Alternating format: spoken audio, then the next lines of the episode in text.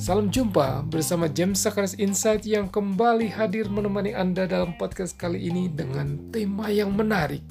Simak pembahasannya. Dalam James Sakaris Insight kali ini, kita akan bersama-sama untuk belajar dari pengalaman dan kisah di balik brand kondang dunia. Dan dari situ, ini ada beberapa tips untuk menentukan nama brand dan nama perusahaan. Nah, kalau kita lihat brand kondang yang tidak asing di telinga kita, namanya selalu muncul di dalam benak kita. Kalau mau dikatakan ya top mind of awareness. Jadi kadang-kadang kalau dengar suatu brand tertentu ataupun juga dibalik misalkan ada asosiasi kata bunyi, aroma, bentuk fisik tertentu, ini langsung terasosiasikan ke suatu brand tertentu. Dan ini tidak serta-merta ada atau otomatis tahu sudah jadi dengan brand equity atau nilai brand yang begitu uh, besar sehingga menjadi bagian dari top mind of awareness dari konsumen. Dan ini perlu dirawat, diciptakan, di dipersiapkan baik dalam proses inisiasi baik dari saat perusahaan itu mulai berdiri pada masa-masa awalnya kemudian dilanjutkan dengan program marketing dan juga pembuktiannya ini tidak dalam rentang waktu yang sebentar. Tetapi brand itu ada yang pembuktiannya itu enggak tidak dalam kurun waktu yang kita bilang 10 tahun, 20 tahun, tetapi generasi. Jadi ada yang suatu brand tertentu sampai sudah masuk ke generasi yang ketiga. Jadi memang ada proses historis yang terus ber evolusi. Jadi ini prosesnya ini bukan revolusi tapi evolusi karena kan proses yang berkelanjutan dan uh, kalau tadi kita bicara tentang historisnya, jadi kembali ke masing-masing masa itu punya uh, karakteristik nama brand dan nama perusahaan. Kalau di awal, misalnya kalau kita ingat bahwa sejak dimulainya revolusi industri yang pertama, di mana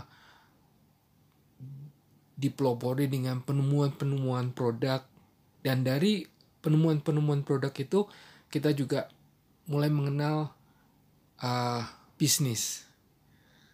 Dari bisnis ada suatu transaksi, ada market, dan kemudian ada brand di mana pada masa-masa itu brand yang ada biasanya dimulai dari brand dari nama perusahaannya kemudian melekat di brand dari produk itu. Misalkan zamannya uh, dari fase uh, kendaraan mobil yang pertama yaitu Ford itu kan dari nama penemunya Terus kemudian untuk mesin atau power untuk listrik Siemens. Terus ada juga di fabrikan di Jepang itu menggunakan nama dari pemiliknya meskipun nanti kalau kita akan bahas kalau untuk yang di Jepang tuh mereka juga karena dari sisi budayanya, dari sisi cara pengucapannya berbeda dengan masyarakat uh, di belahan dunia lain karena mereka masuk ke pasar global sehingga ada penyesuaian. Kalau mau salah satunya uh, Toyota. Toyota itu di di suatu brand yang didirikan pendirinya oleh uh, Toyota. Atau kalau kita ingat juga untuk manufaktur untuk motor yaitu Honda ataupun juga mobil Honda itu juga uh, nama produk dan nama perusahaannya itu diambil dari nama pendirinya. Jadi memang awalnya itu memang nama pendiri akhirnya menjadi nama perusahaan kemudian menjadi nama produk. Namun kalau kita lihat pada proses perkembangan selanjutnya bahwa perusahaan itu tidak hanya mempunyai produk-produk tunggal, namun perusahaan itu melakukan diversifikasi bisnis dengan diversifikasi atau mempunyai range produk yang mulai bermacam-macam. Sehingga strategi memang di strategi bisnis kalau kita mempunyai diversifikasi bisnis dan juga lini-lini dari bisnis itu uh, di mana uh, produk-produk masing-masing produk itu mengawal dari lini-lini bisnis itu, maka masing-masing produk itu punya brand produk tertentu juga. Nah, nanti kita akan lihat uh, ada beberapa pendekatan sih.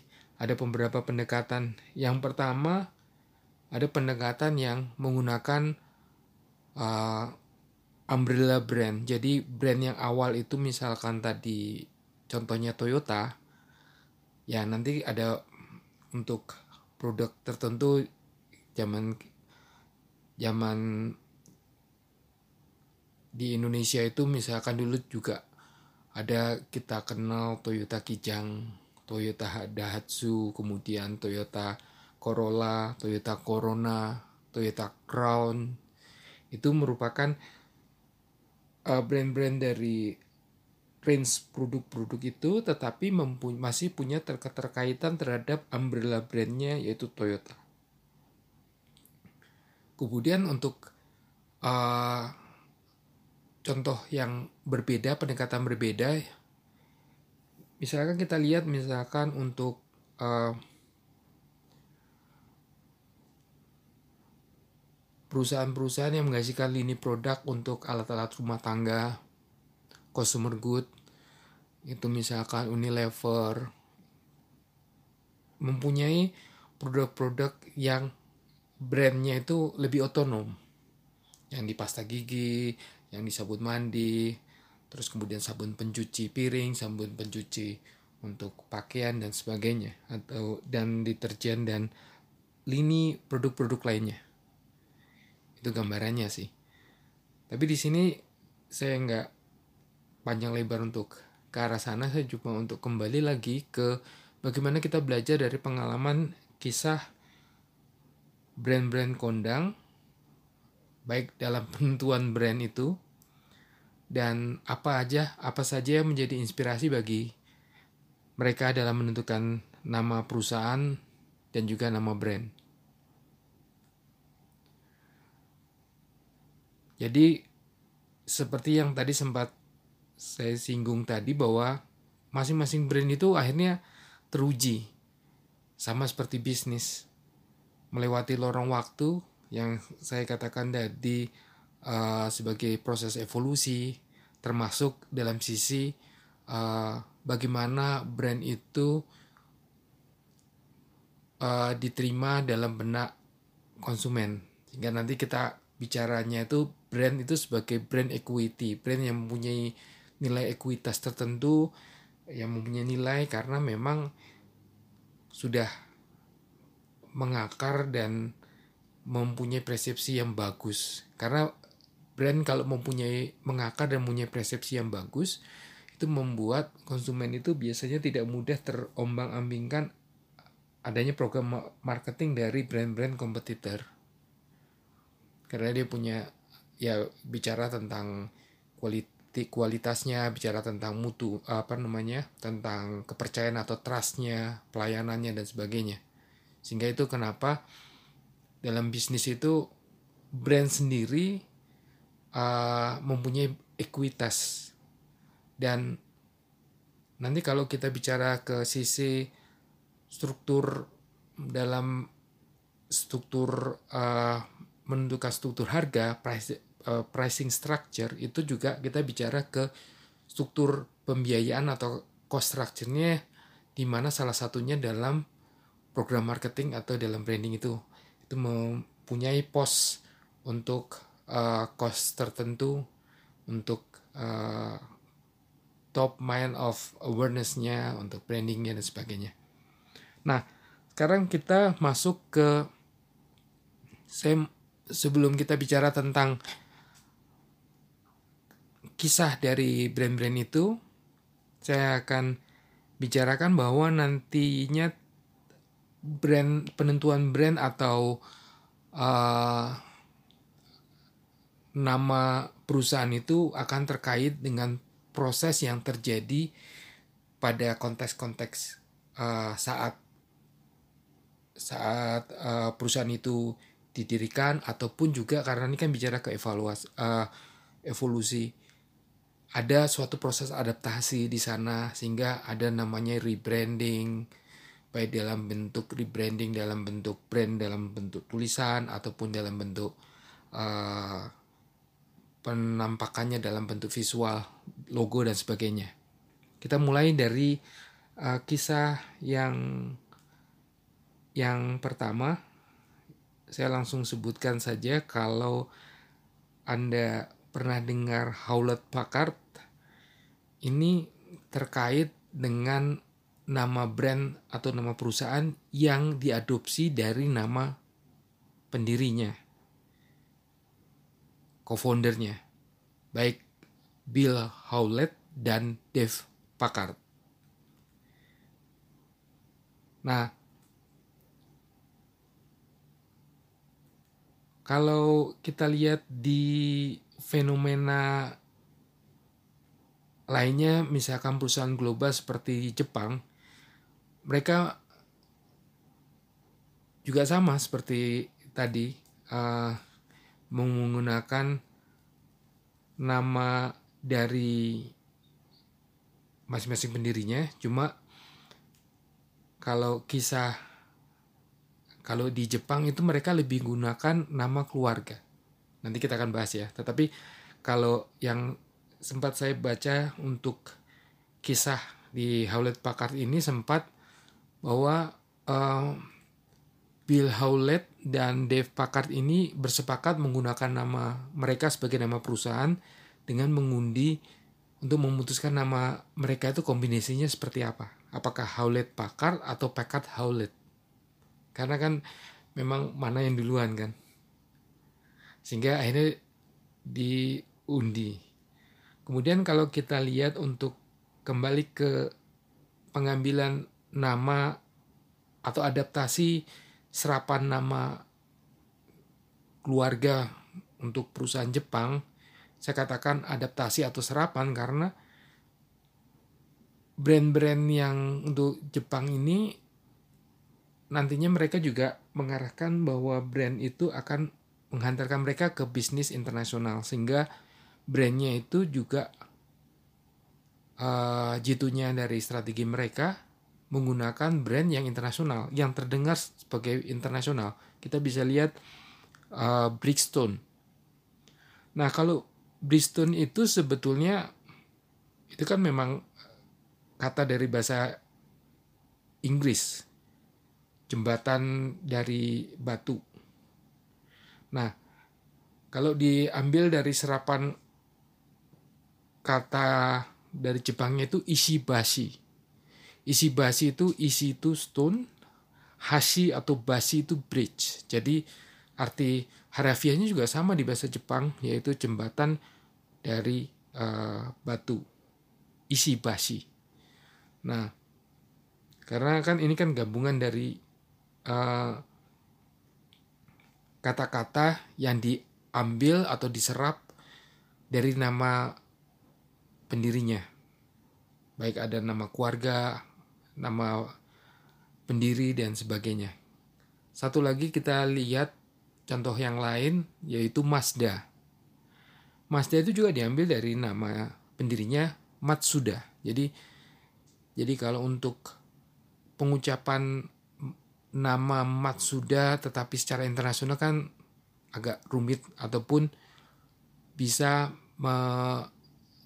pengucapan dan per, persepsinya kan bisa berbeda-beda sehingga diambil suatu kata yang lebih menjebatani dari uh, bagaimana persepsi orang secara global untuk memandangnya itu Mazda.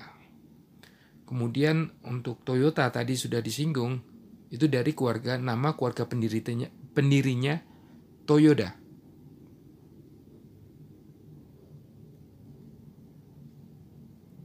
Nah,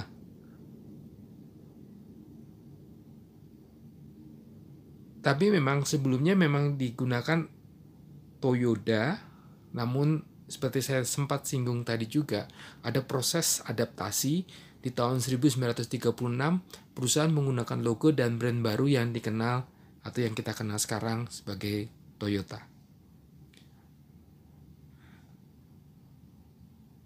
Nah, kalau sempat saya baca uh, kisahnya, ternyata ada filosofi di balik itu.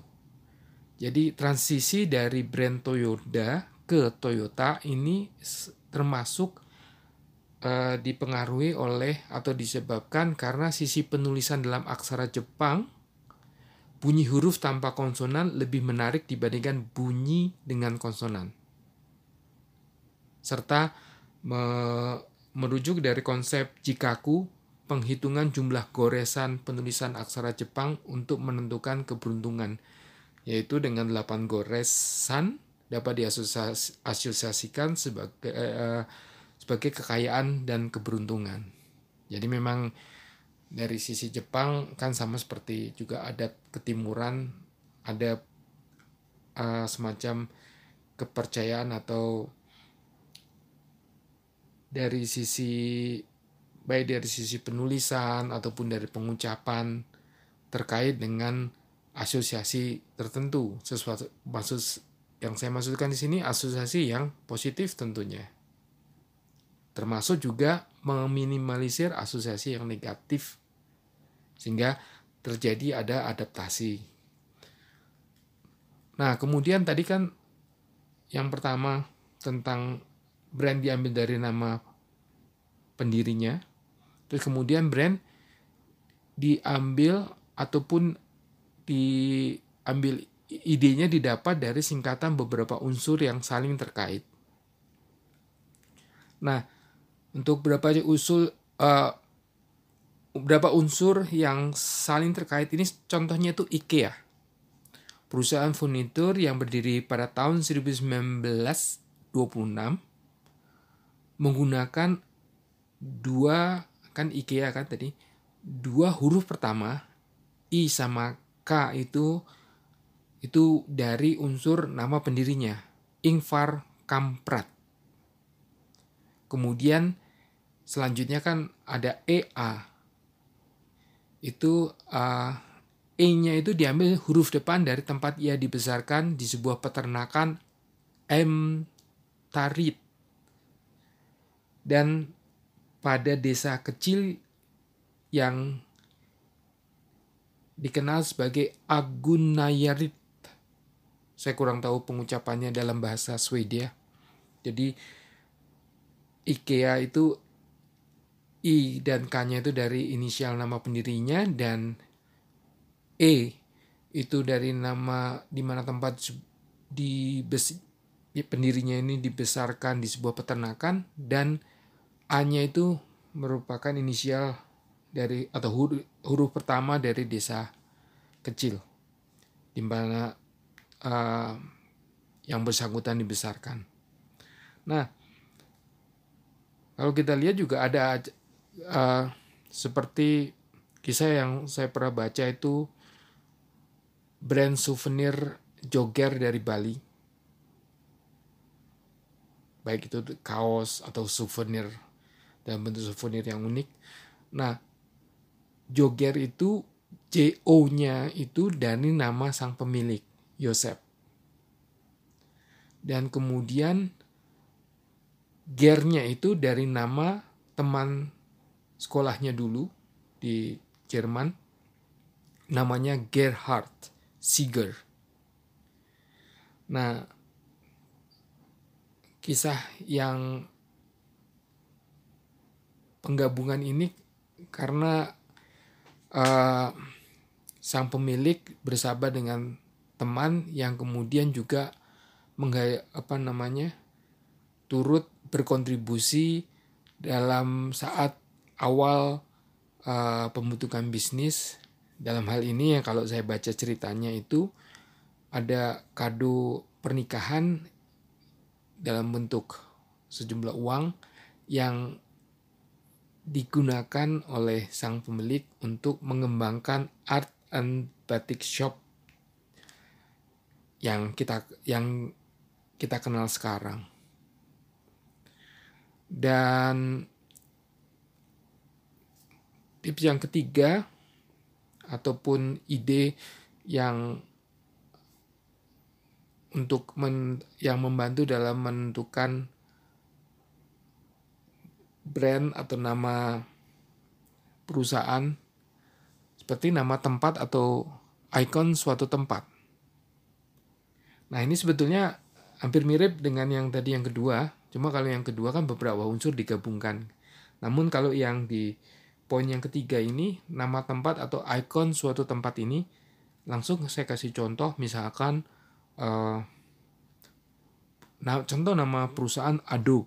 Adobe itu perusahaan ini nama perusahaan atau yang kemudian menjadi brand ini diambil dari nama sungai Adobe Creek yang mengalir di belakang rumah sang pendiri John Warnock.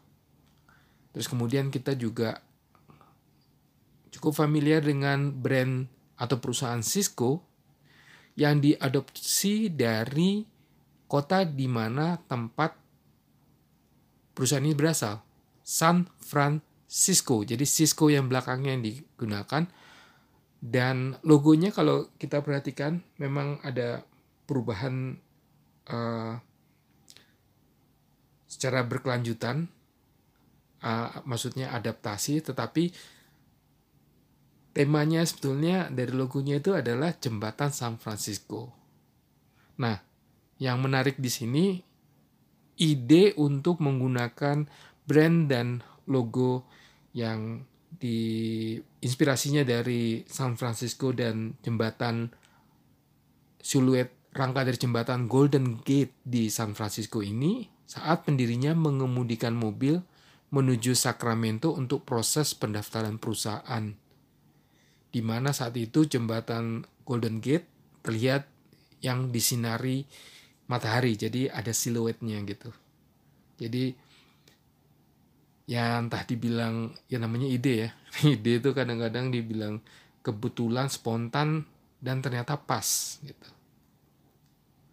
Momentumnya dapat untuk mendapatkan sesuatu yang yang yang mempunyai uh, karakter dan mempunyai momentum yang bagus yang besar untuk itu. Dan poin yang keempat ini terkait dengan produk dan layanannya. Nah, kalau ini ini terkenal uh, saya sebut uh, sebelum saya bicara brandnya saya saya akan cerita tentang apa yang pernah saya baca bahwa semula pendirinya itu Bob Noyce dan Gordon Moore ingin memberi nama mereka dengan uh, memberi nama perusahaan mereka dengan nama mereka seperti yang pendahulu yang lain. Misalkan More Noise. Namun ternyata nama tersebut telah terdaftar oleh jaringan hotel dan kalau kita perhatikan ini kan bicara dalam uh, bahasa Inggris meskipun penulisannya beda tetapi cara pengucapannya itu seperti more noise itu kalau dalam terjemahan bebas itu uh, banyak suara yang berisik banyak suara yang mengganggu karena apalagi kalau kita belajar di belajar di elektronik istilah elektronika noise itu memang berkaitan dengan gangguan sinyal atau uh, interferensi yang membuat uh, kualitas menjadi buruk. Sehingga kemudian mereka menggunakan pendekatan lain yang yang saya katakan tadi relevan dengan produk dan layanannya. yaitu Intel. Singkatan dari Integrated Electronic. Jadi kan produknya terkait dengan elektronik, semikonduktor, sehingga sekalian aja Intel dari Integrated dan Electronic. Terus kemudian ada kisah lagi sih, uh, saat ada co-founder Bill Gates dan Paul Allen ingin mendaftarkan atau menandatangani kontrak lisensi pemrograman basic yang mereka tawarkan, mereka kan harus punya nama perusahaan. Nah, mereka sempat mempertimbangkan kembali tadi nama nama nama pemilik Allen and Gates. Namun dalam benak mereka terdengar seperti kantor pengacara. Kemudian Paul Allen mempunyai ide Microsoft. Jadi awalnya itu penulisannya itu tidak digabung tapi terpisah. Micro strip soft. Sama seperti yang uh, Intel tadi. Micro itu akronim dari kepanjangan dari mikroprosesor dan soft itu akronim atau kepanjangan dari software. Jadi mikroprosesor dan software. Dan seperti Toyota kemudian berubah menjadi Toyota, Microsoft yang terpisah akhirnya digabung. Dua kata itu disambung menjadi satu brand yang melebur jadi satu kata. Poin yang kelima, ide yang uh, bisa melatar belakangi untuk pembentukan suatu nama perusahaan atau nama brand, kita bisa lihat kisahnya itu ini terkait dengan rutinitas. Nah, bahasa pemrograman Java ini awalnya disebut atau brandnya itu adalah Oak oleh penciptanya James Gosling. Nah, oak sendiri sejenis pohon yang berada di luar, di luar jendelanya. Namun kemudian uh, kepala tim programmer terus mencari nama pengganti dengan nama produk atau nama brand pemrograman yang unik. Dan Java dipilih. Yang kita tahu Java berasal dari jenis kopi yang diminum programmer. Jadi Java Coffee merupakan signature coffee yang berasal dari Asia, tepatnya dari Pulau Jawa, Pulau Jawa, Indonesia. Itu kenapa di logonya itu kan kayak ada cangkir. Terus poin berikutnya tentang visi. Proses berdirinya suatu perusahaan tidak bisa dilepaskan dari visi apa yang diinginkan, terus yang mengarahkan atau menjadi panduan perusahaan itu untuk berkembang ke masa depan. Salah satunya Panasonic. Pada tahun 1955 digunakan pertama kali sebagai brand audio speaker. Nah, jadi kan untuk yang poin yang keenam ini kan tentang visi. Nah, Panasonic ini merupakan kombinasi dari kata yang pertama itu adalah pan dan keduanya itu adalah sonic. Kemudian disambung menjadi Panasonic. Di mana sonic itu adalah uh, suara. Jadi mengandung arti membawa suara atau sonic cipta uh, ciptaan perusahaan tersebut ke dunia ke pan yang lebih besar.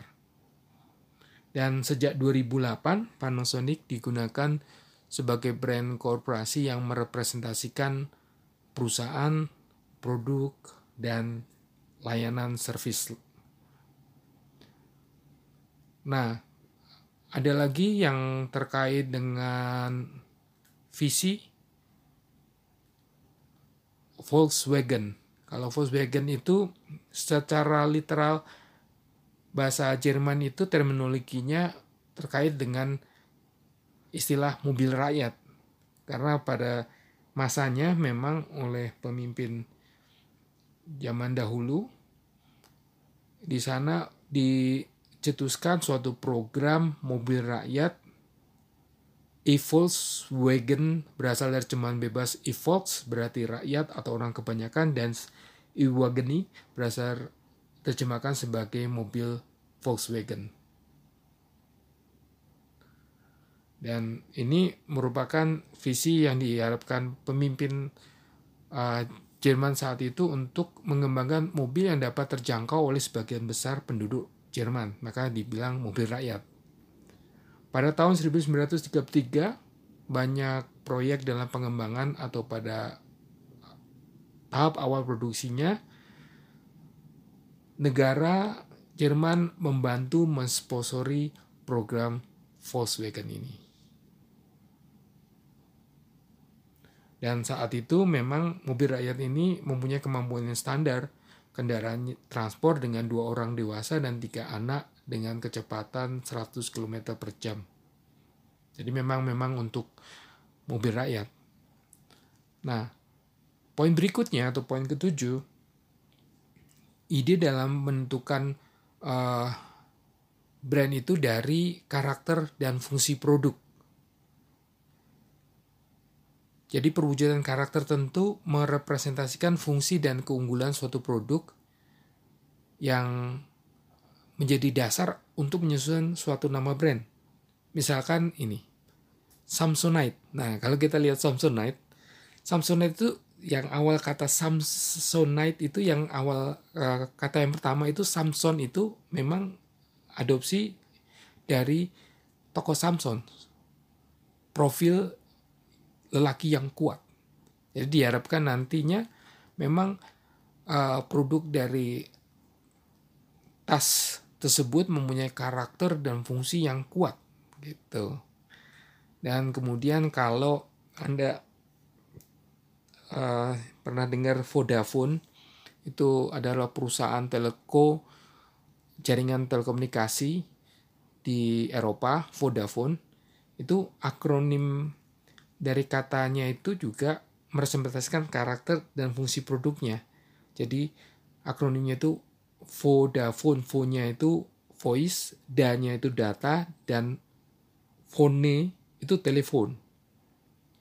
Jadi ini merepresentasikan uh, apa yang diinginkan atau di menjadi visi perusahaan untuk merefleksikan ketersediaan layanan suara dan data melalui telepon.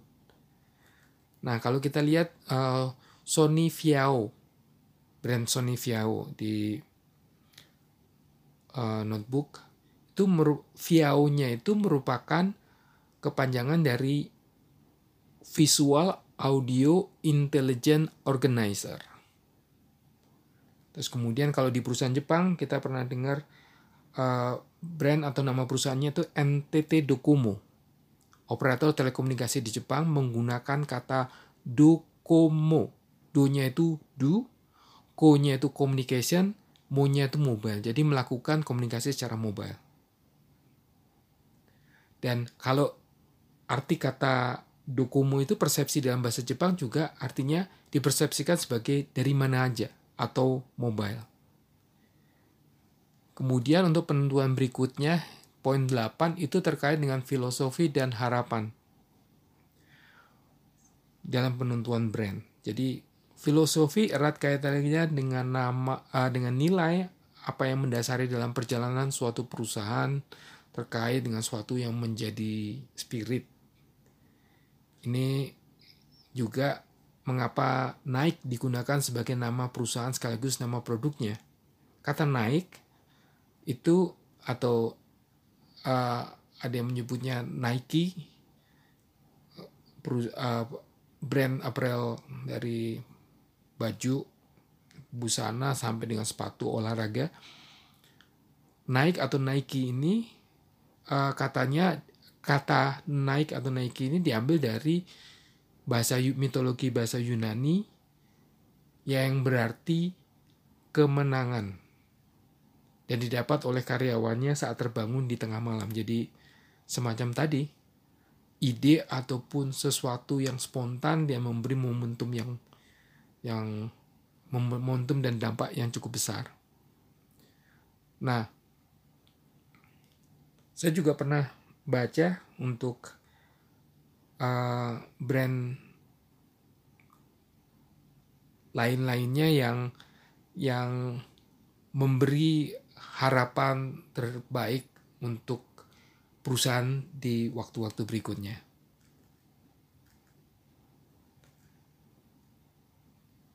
Nah, kemudian ada juga ada perusahaan yang di perusahaan atau nama brand yang diambil dari momentum peristiwanya. Salah satunya kalau mungkin kita bisa lihat uh,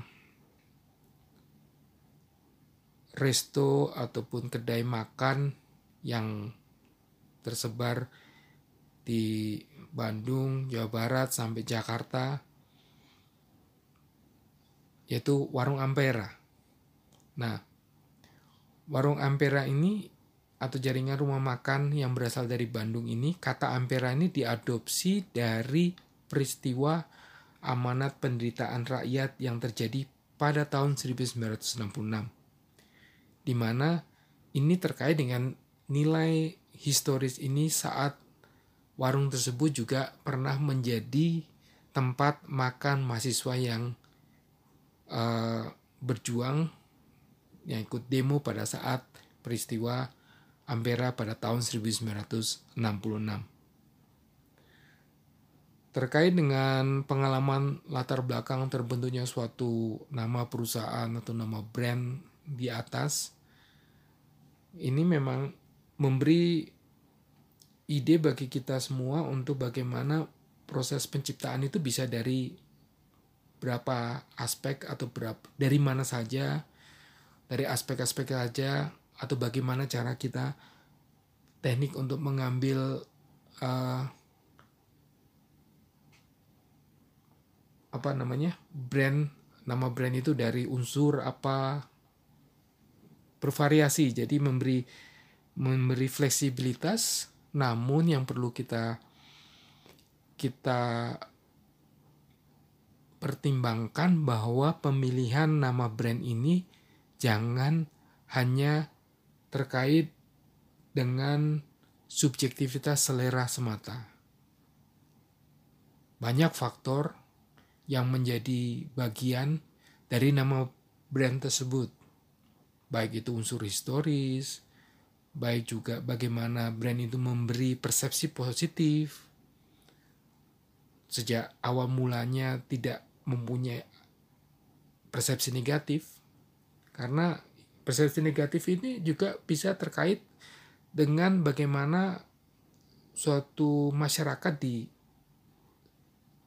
uh, daerah tertentu yang mempunyai nilai dan sosial sendiri bahasa istilah sendiri dan semakin kita mempunyai mengembangkan produk dan juga brand yang menyasar target yang lebih luas baik itu melewati regional ataupun dalam skala nasional ataupun uh, internasional maka aspek-aspek perspektif atau persepsi sosial budaya bagaimana konsumen itu memandang suatu brand itu juga kita harus hati-hati melakukan penelitian secara menyeluruh sehingga tidak ada persepsi negatif yang mengurangi dari uh, nilai ataupun daya ungkit dari brand yang ingin kita capai.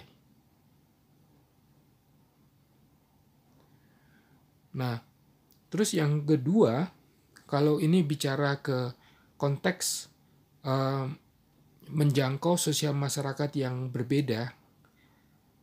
Tadi sudah kita bicarakan bagaimana konsep apa namanya pengaruh persepsi baik dari uh, pengucapan ataupun pembacaan aksaranya. Karena tadi kan kita sempat lihat ada proses adaptasi uh, brand yang terkait dengan uh, goresan dalam penulisannya yang lebih dipercaya lebih mendat, mempunyai persepsi yang lebih baik Tuh. Sehingga baik dalam sisi visualnya, baik dalam sisi pengucapannya, baik sisi juga dalam persepsi yang diterima dalam benak itu juga harus dipertimbangkan uh, efeknya dari setiap pribadi, komunitas, ataupun uh, secara internasional. Memang sih kalau kalau kita lihat memang prosesnya itu tidak mudah dan juga tidak sukar. Bahkan tadi ada sisi spontanitas bagaimana kita mengambil suatu momentum dengan baik untuk mendapatkan suatu nama brand yang yang memberi ungkit daya ungkit yang begitu besar. Nah, meski William Shakespeare mengatakan apa arti sebuah nama, namun jika ada yang salah dari nama brand Anda, beban yang kita tanggung itu sudah ada sejak pada awal brand itu dijalankan bahkan saat awal bisnis kita. Jadi bagaimana kita untuk uh, benar-benar menaruh perhatian baik dalam bentuk perhatian dalam bentuk fokus dalam pikiran dalam effort untuk uh, sumber daya sumber daya. Termasuk sumber daya itu akhirnya bicara kita bicara dalam penentuan nama branding yang akan secara perhitungan kalkulasi bisnis cukup mengambil uh, sisi peran cost yang signifikan. Tetapi dari sisi cost leadershipnya akan memberi dampak atau daya ungkit yang besar sesuai dengan rencana ataupun visi yang ingin kita capai. Sekian James Zacharias kali ini. Sampai jumpa dan ciao. Terima kasih telah menyimak podcast James Zacharias Insight kali ini. Kiranya hadirkan inspirasi untuk hidup kita lebih baik.